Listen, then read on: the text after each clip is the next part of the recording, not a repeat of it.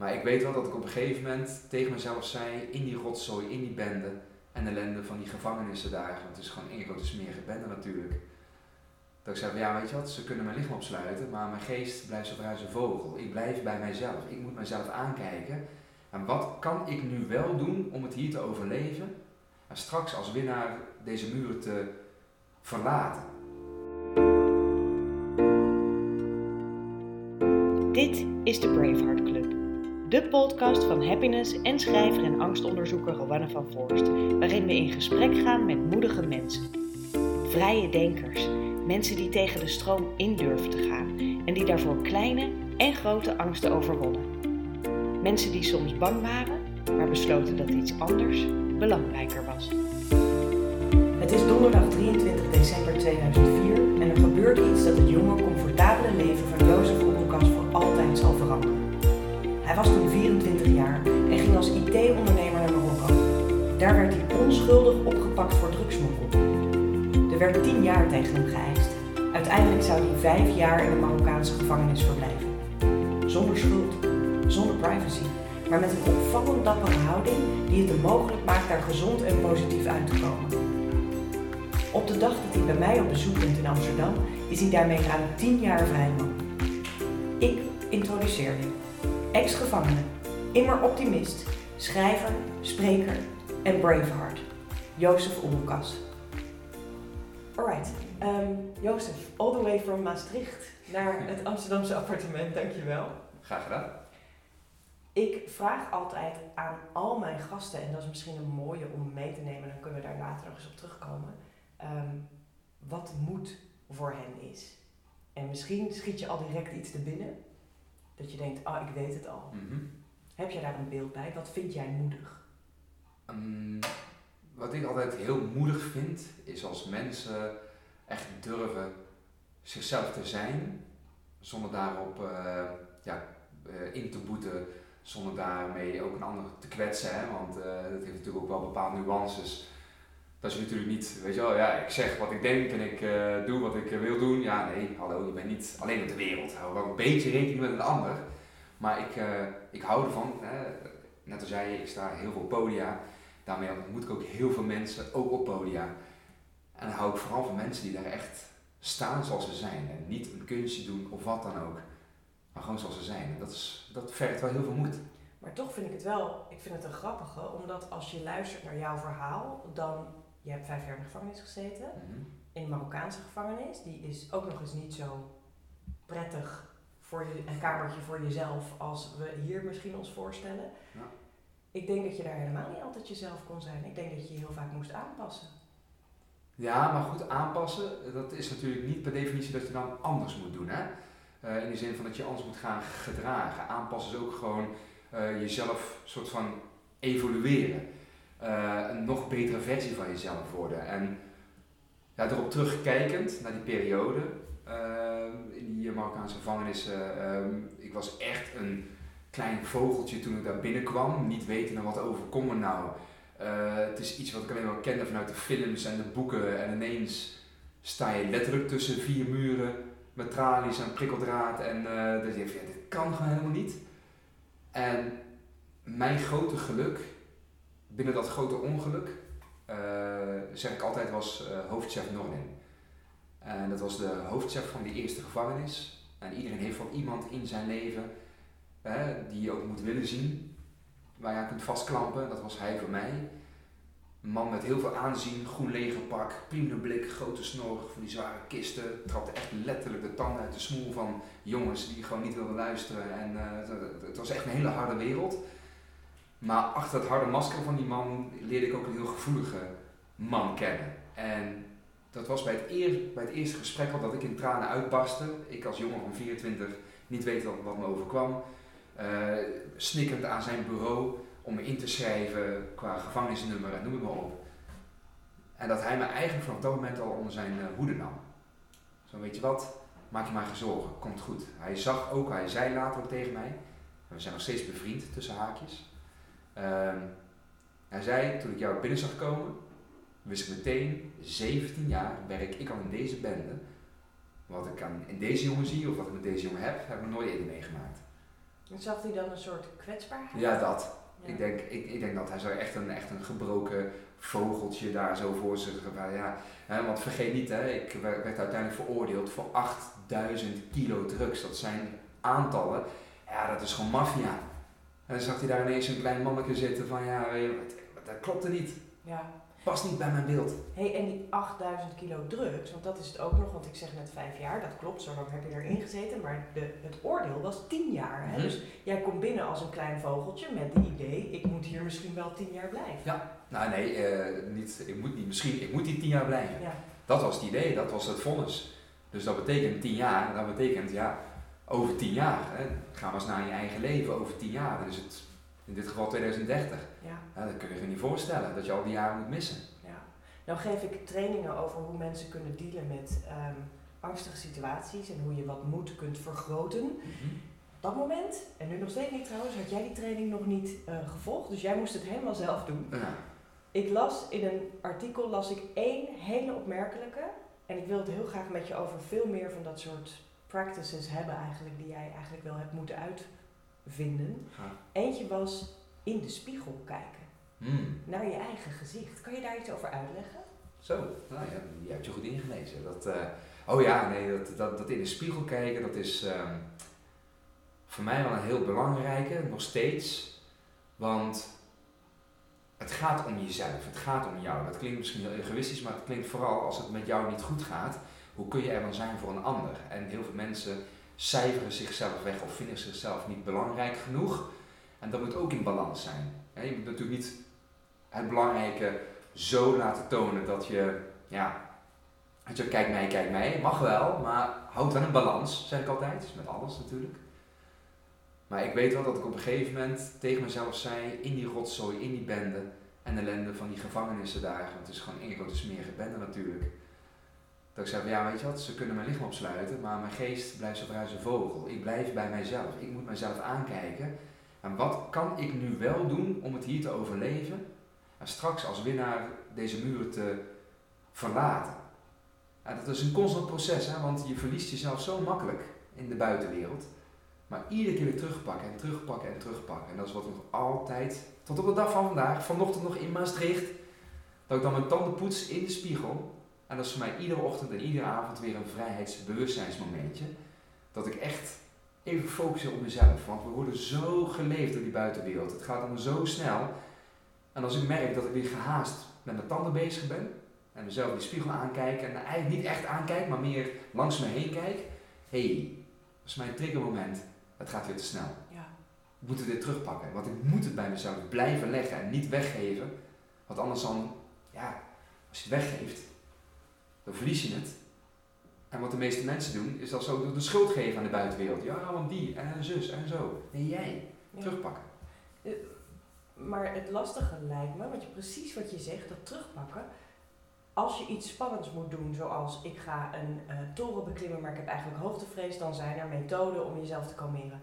Maar jij moest vijf jaar lang steeds de moed behouden en weer bij elkaar sprokkelen. Klopt. Heb je dan vlagen? Gaat dat zo dat je vlagen van moed voelt en vlagen van angst en wanhoop? Zeker, zeker. Dat, eh, dat klopt helemaal. Want je, je kunt niet zeg maar, een knop omzetten en zeggen van ja goed, en nu snap ik het en nu weet ik het en nu, dat is het, klaar. Daarom zeg ik ook steeds, het is een constant proces. Dus ik zat er natuurlijk van 2004 tot en met 2009, maar wel dag in, dag uit. Maandag tot en met zondag. Geen weekend, geen snipperdag. Je verjaardag, je zit daar. Kerstvakantie, oud en nieuw, jij zit daar. Mensen worden geboren in je omgeving, jij zit daar. Mensen komen te overlijden in je- in je omgeving, wat misschien nog het allerergste is. En geen uitvaart, geen laatste afscheid. Het gaat gewoon echt aan je voorbij, gewoon het leven. Ja. Dus uiteindelijk is het ook constant terugpakken. En was het niet iedere dag dat ik tijdens het appel, dat de koppen werden geteld, dat die vinger weer langskwam. En dat ik dacht van ja, weet je wat, ik ga er vandaag wat van maken. Ik ga mezelf in de spiegel aankijken en oh, het wordt een mooie dag. Nee, hallo, ik heb mijn dagen daar gehad. Ja. Maar ook geleerd die dagen te omarmen, dat die er mogen zijn. En daarbij ook uiteindelijk geleerd. En nu weer verder. En hoe, want ik vind dat altijd een hele mooie uitspraak van ik omarm het, maar even heel flauw, hoe ziet dat eruit? Ziet dat eruit dat je tegen jezelf zegt, oké, fuck it, ik heb vandaag gewoon een rotdag, morgen, ik ga gewoon slapen, morgen Ja. voelt het beter? Is Ja, dat het? ja ik, ik, ik beschrijf die daar ook een aantal keren in mijn boek. Ik heb echt die dagen gehad dat ik gewoon niet opstond vanuit mijn plek en ik bleef daar. Het was echt één hoopje zielige ellende. En dat, uh, dat voelde ik ook. Ik zie mezelf nu nog staren naar de muur, naast mijn plek. Ik zie nog alle gaten en ik heb die gaten geteld in de muren. En ik zie mezelf het nu nog doen. Zo intens was dat moment dat ik nu gewoon voor me zie. En ik gunde mezelf dat ook. Weet je wat, ik ben ellendig. Het is onrechtvaardig. Ik zit hier nu alweer drie jaar. En ik moet nog zeven jaar. Ja, ik trek dat gewoon niet. En uh, dit, dit, mag gewoon helemaal niet. En dan komt die boosheid, die machteloosheid, frustratie. Alles komt weer naar boven. Ja, je bent mens en dat mag hè. Ja. Alleen ik heb ook geleerd het weer terug te pakken. Ja. Dus in die ellende te zitten, het toe te laten. En dan bij jezelf en soms getriggerd door mijn omgeving, hè, medegevangenen, die me ook oppepten. Dat ik hen oppepte als ja, zij het nodig hadden, maar ik kreeg het op een gegeven moment ook weer terug. Dat zij zeggen, jongen, kom op Jozef, je, je, je kunt het. Hè. Wij zijn hier ook, weet je wel, uh, laten we samen weer iets gaan doen of uh, gaan sporten of uh, weet ik veel wat. Ja, kunnen, kunnen we heel even naar dat soort dagelijkse dingetjes van wat doe je? Dat hoor je vaak van mensen die ontvoerd zijn bijvoorbeeld. Oh of als je vastzit in een. Wat waren voor jou dagelijkse dingen die jou eigenlijk door de dag heen hielpen? Mm dat is ook een proces, hè? maar een van de eerste dingen was vooral uh, het bijhouden van een dagboek. Uh, beetje bij beetje ging lezen, was het toegestaan om boeken toegestuurd te krijgen, magazines, uh, dus echt lezen. uiteindelijk ook activiteiten ontplooid. Ik ben mezelf gaan verzorgen natuurlijk, hè? dus die tanden verzorgen. Dat was dat momentje iedere dag weer heel bewust bezig met mijn tanden. Want als je dat niet doet, mijn medegevangenen zag ik echt naar huis gaan met drie halve tanden. Dat, dat gaat gewoon niet gebeuren. Dus dat werd een systeem. Uiteindelijk ging ik uh, de taal leren. Ik heb echt de taal geleerd. Ik kan het spreken, ik kan het nu schrijven. Uh, het Arabisch. Uh, contact maken met mijn medegevangenen. Uiteindelijk daaruit werk in de gevangeniswinkel. Ik heb Engelse les uiteindelijk gegeven. Dat was een paar jaar later. Ik sprak beter Marokkaans-Arabisch. Jongens komen naar me toe, willen ons Engels leren. Waarom niet? Ik had uiteindelijk een gevangenistuin, ik was met de bewaarders, ik uh, uh, sportles gegeven, als vertaler gewerkt voor de directeur. Ik had ook nog Spaans geleerd, ik kwam een uh, man, José, ik noem hem Fernando in mijn boek, uit Madrid. Daar heb ik 2,5 jaar mee samengeleefd. Nou, we waren alleen maar bezig, ik was alleen maar bezig met woorden. En uh, gewoon nieuwsgierig. Als in samengeleefd, als in die, jullie, zaten, jullie deelden een cel, maar nou, met meer mensen? Ja, zeker. Je zit dan met, met 30, 40, 50, soms meer dan 100 man in één ruimte. Dus je hebt nooit nul, ja, je hebt 0,0 privacy. Altijd ja. herrie, kabaal, rotzooi. Maar goed, je raakt eraan gewend op een bepaalde manier. En hij kwam dus ook in die cel waar ik ook zat. Ja, ja. ja. Als je al deze dingen opnoemt, klopt het dan mijn indruk dat niet iedereen zo actief gaat zoeken naar dat soort activiteiten? Klopt. Het is, het, het is natuurlijk geen vanzelfsprekendheid. Dat, dat, dat systeem daar, hè, ik benoem het altijd die vier 50 meter hoge muren met prikkeldraad en tralies is er niet op gericht om jou uh, onderwijs te bieden, om jou te helpen, om te kijken, goh, hoe kunnen we het beste uh, voor jou, uh, ja, iets voor jou betekenen. Nee, dat, dat werd niet gestimuleerd. Dat, dus dat echt vanuit jezelf kwam. Ja, dus dat zat wel echt in jou dan, een soort overlevingsdrang of zo. Ja, ik denk het. En natuurlijk die brief van mijn moeder, hè. vergeet het niet. Hè. Het is, dat, is, dat is de hele rode draad van het verhaal. Daarom heet het boek ook, het eerste boek ook, ja. dankjewel. Daarom heet, maar daarom heet ook 400 brief van mijn moeder. Die heb ik ontvangen. Ja, vertel daar heel eventjes over. Want daar moeten we het natuurlijk nog over hebben. Want ja. toen je net zei, de, de mensen om me heen in de gevangenis sleepten me er af en toe door. Dacht ik gelijk ook, oh ja, en ook buiten de gevangenis. Want jouw dappere moeder, die maar bleef schrijven. Ja, ja. ja zeker. Maar dat is dan, nogmaals, mijn, mijn boek heet niet de hel van Marokko. Of de hel van de wereld. Of de hel van dit. Of, nee, wat heb je nu wel? Dat werd, is nog altijd, overigens voor de rest van mijn leven zal het ook blijven wat en wie heb ik nu wel? En mijn moeder spoorde wel echt aan tot gewoon het ontplooien van die activiteiten. Zij zei wel tegen mij, kind, verzorg jezelf heel erg bewust iedere dag. Want als je dat al niet kunt, als je dat al verzaakt, hoe wil je daar dan overleven? Als je niet eens voor jezelf kunt zorgen, dat werd het triggermoment. Ik ga voor mijn tanden zorgen. Ja. Ik ga naar huis met mijn eigen tanden. Die laat ik altijd helemaal breed uitzien op podia als ik ergens sta te spreken. Weet je, dat is het. Ja. Dus, ja, dus, dus, dus die sleepte mij er doorheen. Wat gaf ze nog meer? Kan je nog één advies noemen van jouw moeder um, waar je heel veel aan hebt gehad, wat je een soort van oppakte of meenam? Wat mij wel raakte eh, is dat mijn moeder een keer zei van blijf die, uh, blijf die lieve, vrolijke, amicale, goedlachse jongen. Ja. Verlies dat niet, want ook daar kun jij dat lichtpuntje zijn als je wilt. Voor die jongens daar, hoe donker de omgeving ook is. Ja. Laat je niet meegaan in die donkerte, maar blijf dat lichtpuntje. Dat, uh, ja, tot tranen toe geroerd was ik daar. Toen ik in die gevangenis zat, had ik echt iets van, oh man, oké, dat dat moet ik dus vast blijven houden. En dat is dus wat ik ook aan het begin zei. Dat vind ik ook zo moedig. Als je het echt bij jezelf kunt houden en het niet weggeeft aan de omstandigheden, aan de buitenwereld. Dat is het krachtigste wat er is, denk ik. Ja, en, en nu denk ik heel even aan zo'n lieve jongen, aan het vogeltje wat zeg maar binnenkwam. Mhm. En dan denk ik ook, er, er zaten waarschijnlijk ook harde jongens zeg maar in de cel. Was je daar bang van? Ja, vooral in het begin was ik echt wel, uh, als je dan, het, het, is echt gewoon net als in de films, hè, dat, dat, dat, dat raakt mij iedere keer weer. Je komt binnen en je ziet die jongens echt in die tralies hangen met littekens in het gezicht, met sluik haar en halve tanden, sissen, roepen, ze, ze spreken een taal die ik niet begreep. Ik sprak geen woord Marokkaans, Arabisch. Uh, dus dat was heel, heel, heel intimiderend. Maar nogmaals, het is mijn redding geweest, denk ik, dat die hoofdchef Noordin daar was. Hij was daar voor mij niemand um, deed mij iets aan, want hoofdchef Nordin zei letterlijk in de cel, jongens, deze jongen die komt hier bij jullie, maar laat hem met rust. Ja.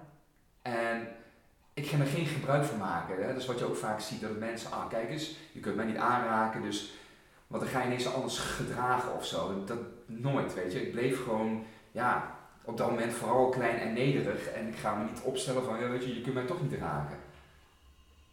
En ik denk dat het meest belangrijke punt wat ik heb meegekregen vanuit mijn opvoeding ook.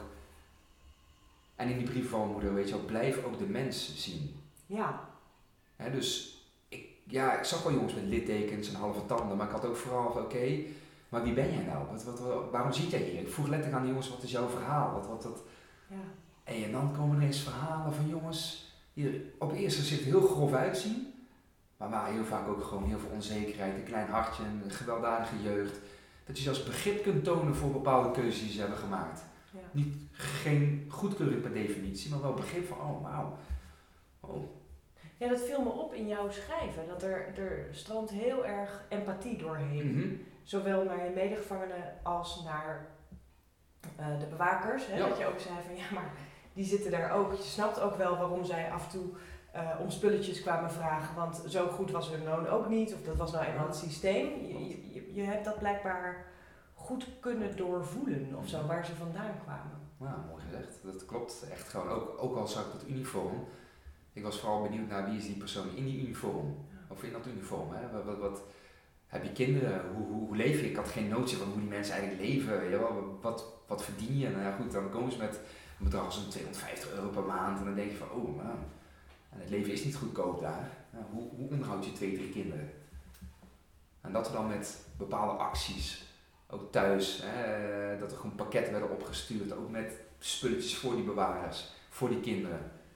En niet zozeer om in een beter blaadje te raken, dat kreeg ik wel eens terug, was het dan om privileges of zo te uh, verwerven, maar nee, helemaal niet. Dat was gewoon puur, weet je wel, van mens tot mens, echt. Ja. Nou geef jij nu even een ingewikkelde vraag hoor. Het is altijd lastig om daar antwoord op te geven. Maar denk je dat je dat soort inzichten of, of lessen of manieren van kijken, komen die uit jouw tijd in de gevangenis? Of is dat gewoon Jozef? Weet je wel? Want jouw moeder zei ook al, je was zo'n lieve jongen, blijft dat vooral. Zeg maar. Sommige mensen hebben daar nou eenmaal meer een gevoeligheid voor of zo. Wat denk je dat het bij jou was? Ja, dat is inderdaad een moeilijke vraag. Want, want het moeilijke eraan vind ik, is uh, als ik het benoem, dan kan dat een soort van excuus gaan worden voor iemand anders waarom het dan niet lukt bij die persoon. Hè? Dus als ik het benoem, ik weet, het is een combinatie van omgeving waar je opgegroeid. Ik ben liefdevol geboren, uh, ontvangen, uh, opgegroeid. Als je dat dan niet kent en je hebt een slechte jeugd en je bent niet in liefde opgegroeid, zo, nou dan sta je er even aan. Dan wordt het ook gewoon een stuk moeilijker. Het is een stukje DNA, het is een stukje uh, ervaring, levenservaring wat je meemaakt, intelligentie, het, dat heeft er allemaal mee te maken ik heb er heel lang over nagedacht. Van ja, weet je wel. Die combinatie, het mag niet zo zijn dat dat dan een excuus vormt voor iemand of voor jouzelf, waardoor het dan niet kan lukken. Mhm. Want ik wil helemaal toe naar hoe kan het wel? Wat kan nu wel? Dus wat ik heb gedaan, ja, dat, dat doe ik op mijn manier. Mijn manier is echt niet de manier, want je kunt niet zomaar iets één op één kopiëren. Maar kijk vooral naar wie jij bent, wat jouw sterke punten zijn. En als je een cynisch persoon bent, ja, nou ja, dan mag je een cynisch persoon zijn. Maar ik hoop wel dat je ook snapt met een bepaald soort intelligentie, je bent niet alleen op de wereld. Hmm. Ook een cynisch persoon kan ook bestaan voor een visie van iemand anders of voor het hmm. verhaal van iemand anders. En dat noem ik dan persoonlijke houding. Ja. En dat vind ik persoonlijk, die kan iedereen aannemen, ongeacht de achtergrond. Het is alleen of je het wil, ja of nee.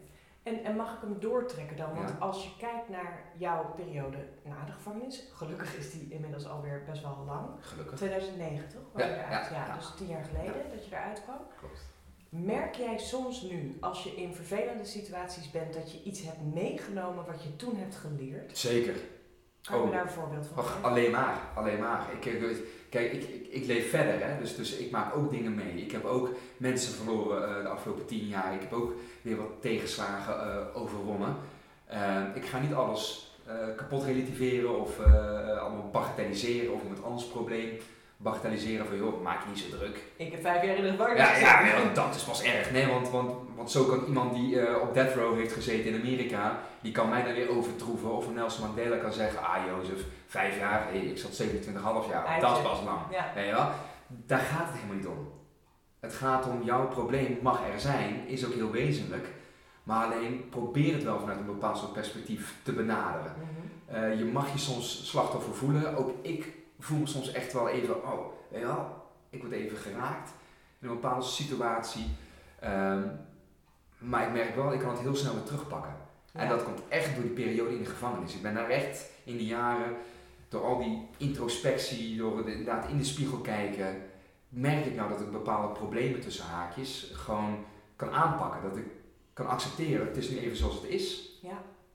Wat ga ik er nu mee doen? Ja wat is nu mogelijk? Wat kan nu wel? Want wat niet kan, ja, ik kan over baden en, en dat doe ik eventjes, maar nooit lang. Nooit, zeker nooit langer dan een dag, laat ik het zo zeggen. Nee. En dan begint er dus bijna dat zoeken naar activiteiten of naar zoeken naar wat kan ik dan binnen deze Helemaal. vier muren doen. Ja, ja, dat klopt. Want ook de, de vier psychische muren waar we in zitten, Ja. Ja, waar de meeste mensen ook gewoon eigenlijk in zitten. Als het al niet in je gedachten vrij is, nou dan ben je ver hoor. Ja. ja. Heb jij um, ook angstig gehad, juist door je tijd in de gevangenis? Kwam je eruit als een, als een bang iemand? Was het bijvoorbeeld eng om te wennen aan juist de vrijheid? Nee, ik kwam niet thuis als een bang iemand. Ik kwam echt thuis als, uh, ja, met een grote glimlach kwam ik thuis. Dus zoals uh, mijn moeder me altijd dus schreef, en joh, blijf die jongen. Mijn moeder zegt ook altijd, je bent nog steeds die jongen. Ja. Maar nee, wel met veel meer diepgang. Uh, toch wel veel meer, ja, je leeft natuurlijk verder. Dus je moet vind ik zelf ook gewoon, ja, als je op je vijftigste zegt dat je nog steeds denkt als op je twintigste, dan heb je 30 jaar niet geleefd. Er zijn groot bokser genaamd Mohammed Ali een keer. Hè? Ik heb ook zijn biografie gelezen, is me altijd bijgebleven. Dus ja, dat is het. Dus je groeit altijd, denk ik. Ja, dus ook als jij niet in de gevangenis had Precies, precies, precies. Was ik ook gegroeid. Dus, dus, ja. Maar alleen het, ja, jezelf blijven, dus die glimlach, ja, dat bepaalde ik. Ik bepaal of ik die glimlach geef, ja of nee. Ook op straat. En als iemand mij die glimlach dan, dan niet teruggeeft, dan ga ik dus niet die persoon worden die zegt, ah weet je wat, ik ga niet meer glimlachen, want dan krijg ik nooit die glimlach terug. Nee, dan geef ik het dus weg. Ja. Nee, ik hou het bij mezelf, ik zal die glimlach blijven geven ook. Net zoals dat je in de spiegel kijkt en denkt, even op mezelf focussen. Ja, dat is in de spiegel kijken, net als dat ik eigenlijk alles ook aanpak, weet je wel. Ik maak soms dingen mee, ben ik verdrietig door, maar ik pak wel die glimlach weer terug. Ja. Nou, dat kost ons wat tijd. Hè? Dat kan niet van de ene op de andere seconde. Maar zo weer steeds meer focus. Denk jij, ja dat is ook een hele lastige vraag, maar denk jij dat je onder bijna alle omstandigheden die houding kunt houden? Denk je eigenlijk dat mensen kunnen resistance kunnen tonen onder bijna alles? Dat mensen zo sterk zijn? Ik wil graag geloven van wel. Maar ik kan het natuurlijk nooit invullen. Ik spreek voor uh, Syrische jongeren ik kan niet invullen wat zij meemaken of hebben meegemaakt. Dat je gewoon je land aan gort geschoten ziet worden. Je moet vluchten op je blote voeten. Hier terechtkomt, wordt afgeschilderd als gelukszoeker tussen haakjes. Uh, um, en overigens niet door iedereen, hè, want gelukkig zijn er heel veel mooie mensen en initiatieven die gewoon hier plaatsvinden in Nederland waar ik zoveel bewondering voor heb. Maar ik kan niet invullen voor die Syrische jongeren, behalve dat ik een bepaald soort leed kan voelen en zien in hun ogen. En als ze dan naar me toe komen en mij bedanken, wat ze helemaal niet hoeven te doen, maar wat ze wel vaak doen, en dat ik dan alleen maar me heel erg dankbaar ook en bevoorrecht voel. Want ik geef ook terug van, jongen, ik weet niet eens wat jij meegemaakt moet hebben. En dankjewel dat jij me dit teruggeeft. Want hoe moeilijk moet het voor jou zijn om hier, in een vreemde taal, een vreemd land, wat koud is. Je hebt nog nooit een winterjas gezien of aangehad. En ineens moet je maar aanpassen hier, want er wordt, wordt maar van je verwacht. En,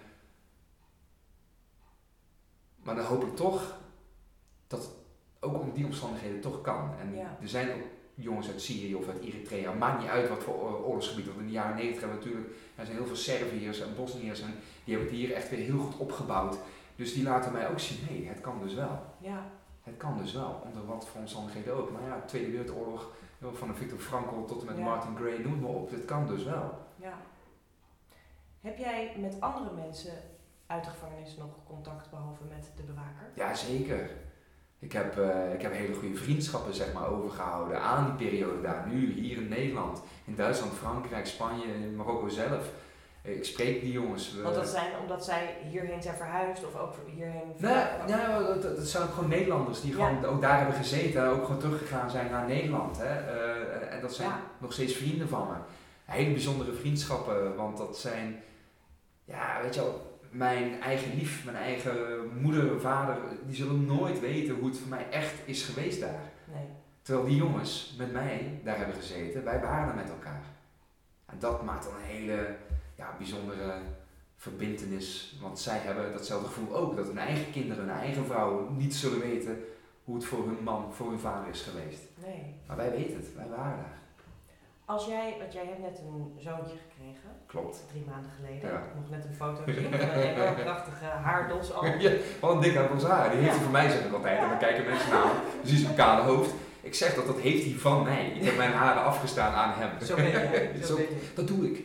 Wat ga jij, hoe zou jij tegen een klein kind uitleggen wat er is gebeurd met jou? Oh, goede vraag. En ik heb er al, al verschillende keer over nagedacht. En ik heb die vraag vaak gekregen van, goh, wanneer ga je het hem vertellen?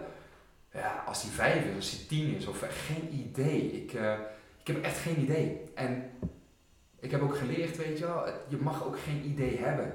En dan groeit het wel en dan komt het wel en dan laat het leven wel zien van, ah, nu is het de tijd en nu voel ik, hij is er klaar voor. Dus ja, dat hij erachter gaat komen, absoluut. Ik hoop alleen, dat is het enige wat ik wel een beetje hoop, dat ik het hem mag vertellen. Dat hij niet via via zal horen of dat hij op de basisschool zit en dat hij hoort van een vriendje, hé, hey, heeft jouw vader in de bak gezeten?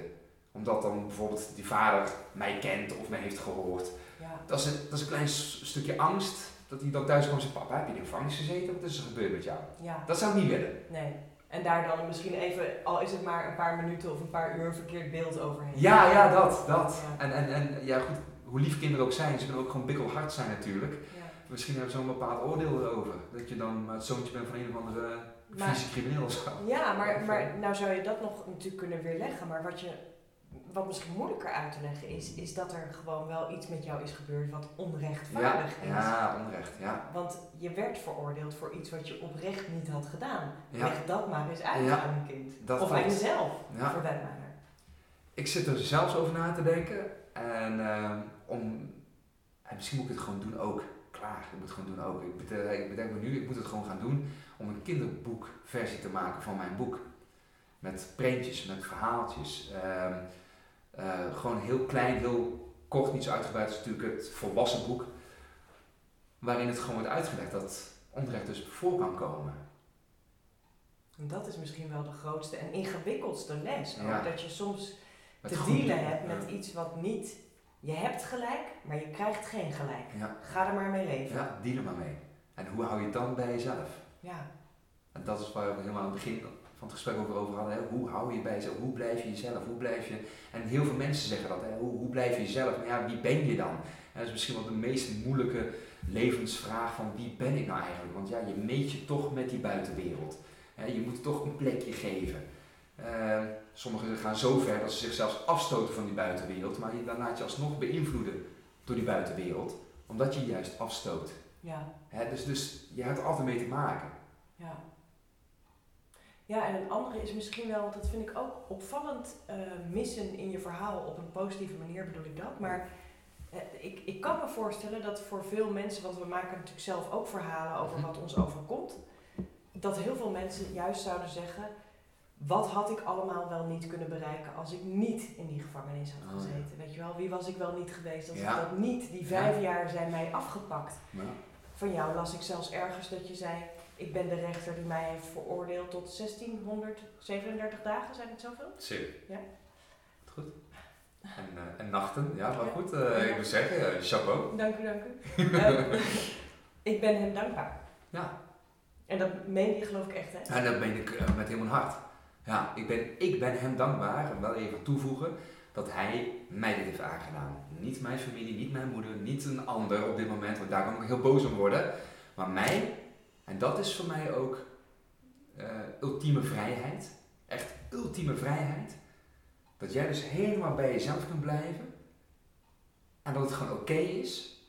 Dat het je is aangedaan.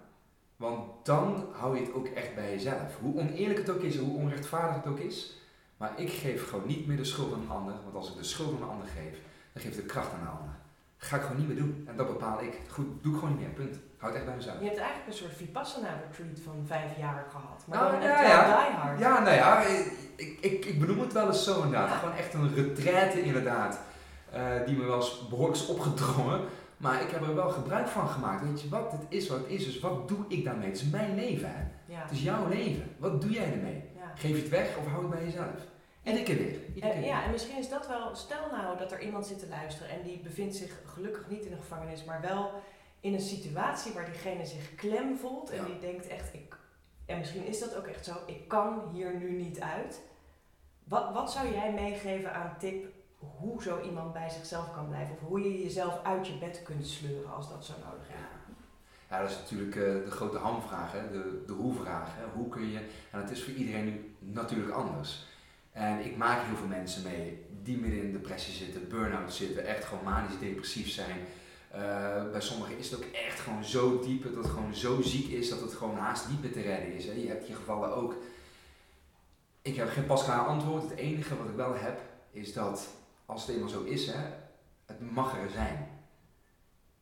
Dat tegen blijven vechten, dat is voor mij niet de oplossing. Maar dat het dan mag zijn, waardoor jij dus ruimte krijgt om te kijken van, oh, dus het mag er zijn, dus ik hoef daar niet meer aan te denken. Want ik zit nou helemaal niet in die gevangenis. Dan krijg je ruimte om te kijken, oké, en nu? Wat nu verder? En dat is een proces en je mag jezelf ook de tijd gunnen. Maar we hebben natuurlijk met een systeem te maken waar we allemaal in leven, waarin rekeningen moeten worden betaald en dit en dat, die jou niet die tijd willen gunnen. Dat is precies weer die buitenwereld. Dat zijn precies die gevangenismuren. En dan zeg ik iedere keer weer bij je terughalen. Pak die spiegel er maar bij. En wat kunnen we nou met hele kleine stapjes? Die gevangenisperiode heb ik met hele kleine stapjes overleefd. Ja. Ik zat die eerste maanden in een ware hel en ik was echt niet positief. En ik was echt niet, oh weet je wat, maakt het uit, tien jaar komt goed. Nee, ik zat echt er helemaal in. Ik was niet met mezelf bezig, ik was niet met mijn tanden bezig. Dat is allemaal ge- erin gegroeid. Maar dat is wel, dat besef is wel een beetje een beetje gekomen. Ja, hey, het gaat om mij. Ja. En wat wil ik nou? En wie heb ik nou? En was nu wel mogelijk? Ja, en, En heel klein maken, heel klein maken. Want heel veel mensen die bijvoorbeeld ziek zijn, die zeggen ik wil beter worden. Ja, maar je bent nu niet beter. Maar het is wel de focus, maar je bent nu niet beter. Dus hoe stom het ook mag klinken, maar accepteer het feit dat je ziek bent. Want je bent het toch. Ja, Ik moest accepteren dat ik gevangen zat, want ik was het toch. ja, Het was niet eerlijk, absoluut niet, maar ik was het wel. ja. En met het accepteren kreeg ik ruimte van hé, hey, en nu ik. Want dat is een vast gegeven. Ik zit vast, letterlijk. Dat is een vast gegeven. Ja. ik vind hem prachtig, want je verlegt je energie die je nodig hebt om tegen Ja. een onrechtvaardigheid te vechten naar, dat geef je eigenlijk gewoon even op, dat parkeer je. Soort Ja. van, oké, daar kan ik, daar heb ik geen invloed op. En dan ga je kijken naar de dingen waar je dan wel invloed op hebt. Dat is eigenlijk wat je, wat je zegt, even kort Ja. bocht. Hey, en misschien als een laatste vraag, want jij zegt een paar keer, ik heb met kleine stapjes, ik heb eigenlijk geleerd hè, om van dat kleine vogeltje, van die angst, te gaan naar iemand die echt wel een soort ja, activiteiten daar had, die talen leerde, die bijna floreerde, zeg maar, voor zover dat kan binnen de muren. Ja. En tegelijkertijd ben je niet heb je niet een enorme eeltlaag opgebouwd, zeg maar. Want dat zou ook een copingstrategie kunnen zijn, dat je steeds meer verhardt. Mhm. Jij zegt, ik had echt rotdagen, ook nog tot op het laatst. Ik was nog steeds kwetsbaar. Hoe leer je, hoe maak je jezelf beter uh, capable, zeg maar, om rechtop te blijven staan, zonder te verharden? Dus hoe balanceer je kwetsbaarheid met leren in die zin? Ja, het is een mooi woord te zeggen, dat het balanceren, daar ben ik nog steeds mee bezig. Uh, vergeet niet, hè, tien jaar geleden toen ik vrij kwam, was ik ook weer niet de persoon als dat ik nu ben, want ik ben weer tien jaar verder. Ja, want je was toen 34 toen je eruit Ja, uh, nee, ik was toen uh, bijna 30. Oh, bijna 30. Dus, ja, ja, oh ja, tuurlijk. Ja, sorry. ja, dit jaar word ik, ja. over 40, maar niet hard zeggen. Ehm, voor mij, die eeltlaag zat er wel. Dus ik kwam thuis en ik merkte ook bij vrienden hè, die, die me dan vastpakten, er, er zat al een stukje hardheid in. Want dat, die, die bouw je toch op, onbewust, bewust, maakt niet uit, want het is natuurlijk een hele harde wereld. Dus je kunt niet onvermurbaar blijven en zeggen van ja weet je, het doet me niks, het doet me niks. En je doet je wel wat. Dus dat, dat gebeurt toch. En dan is het eigenlijk weer zaak om het weer terug te vinden. Nogmaals, weer terug te gaan naar oké, wat wil ik, wie ben ik, dat goed lachsen of uh, maakt niet uit hoe je bent, als je er maar mee gelukkig bent. Want als ik hard zou willen blijven, ja, als ik daar maar happy bij voel, nou, doe dat. Nogmaals, om een ander oprecht te kwetsen, maar ja, blijf lekker bij jezelf, wat jij wilt. Ja. Maar mijn manier was uiteindelijk weer, hoe ga ik mijn leven opbouwen? En vergeet niet, hè, want daar gaat mijn tweede boek over. Het was helemaal opnieuw beginnen. Hè. Mensen denken vaak je komt, vaak, je komt thuis en ja, met alles wat je hebt meegemaakt, nou, ja, en uh, lang uh, leven het leven. Nee, het is helemaal opnieuw je plek verwerven binnen deze maatschappij, binnen het systeem die niet op is gericht met empathie. En zeggen van, goh, Jozef, wat erg wat je hebt meegemaakt, weet je wel, maakt niet uit die vijf jaar, komt goed en je hoeft geen uh, rekeningen te betalen, je, hoeft geen aan, je kan heel je leven opbouwen en rekening betalen hoeft niet. Nee, je moet weer mee in het systeem, je moet de rekening betalen. Ik kreeg een aanmaningen, hé, wat is dit, je moet werk gaan zoeken. Ik zei, ja, maar ik wil een boek schrijven. Ik moet iets doen met die 400 brief van mijn moeder. Ja. Ik, ik verdien er geen ene rode rotzijn mee. Maar ja, de buitenwereld was al constant, constant aan het pushen. Ja. Dus ik kwam er ook achter, hé, hey, dit systeem is er helemaal niet op gericht om jou gelukkig te maken of om aan jouw persoonlijke geluk te werken. Nee, het is alleen maar gericht, joh, werken, rekening betalen, werken, rekening betalen, opstaan, stress, dit, dat.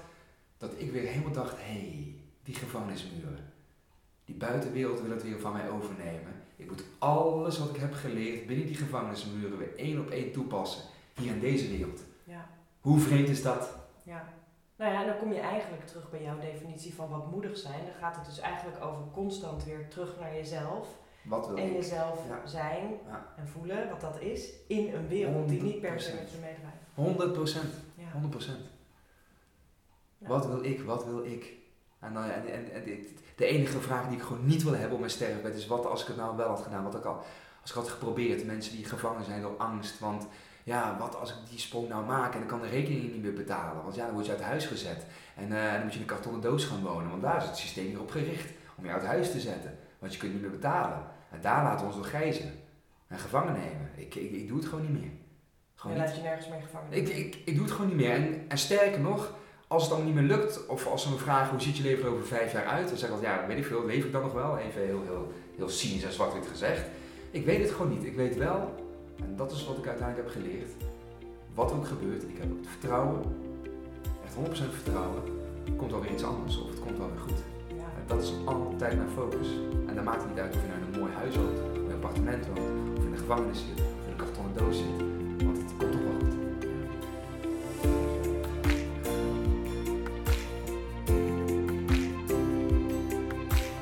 De Braveheart Club van schrijver en onderzoeker Rowanne van Voorst in samenwerking met Happiness. Met deze keer te gast Jozef Oebelkas. Wil je meer lezen over Jozef? Kijk dan even op happiness met een z.nl slash braveheart. Daar vind je de podcastnotities met linkjes daarbij. En wil je meer Bravehearts horen over de thema's moed, hoop, angst en de levenslessen die erbij horen? Abonneer je dan vooral op de podcast in de iTunes van je telefoon of in Spotify. En we zijn heel blij als je onze 5 sterren review wilt geven of wat mooie woorden voor ons op wilt schrijven. Want hoe vaker mensen dat doen, hoe makkelijker deze gesprekken te vinden zijn voor andere luisteraars. Dankjewel voor je steun en voor je aandacht bij het luisteren. Tot de volgende Braveheart Club.